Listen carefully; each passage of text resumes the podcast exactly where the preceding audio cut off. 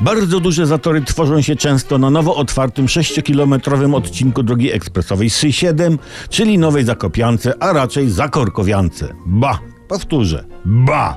Już na drugi dzień po otwarciu tak się zakorkowało, że wielu kierowców postanowiło sobie wpisać ten korek do CV.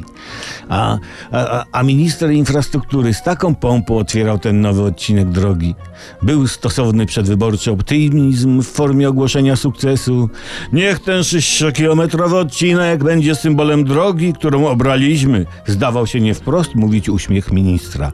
Nastąpiło krótkie, acz zdecydowane szczęknięcie nożyczek. Rozległ się zagłuszany przez oklaski cichy dźwięk przyciętej wstęgi.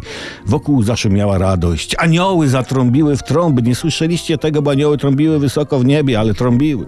I co się stało?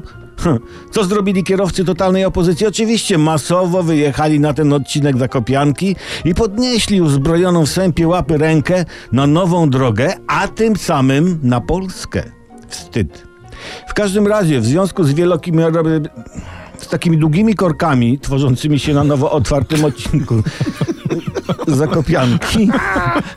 Generalna Dyrekcja Dróg Krajowych i Autostrad zapowiada zmianę organizacji ruchów i w przypadku dużego natężenia samochody będą kierowane na starą Zakorkowiankę i drogi poboczne.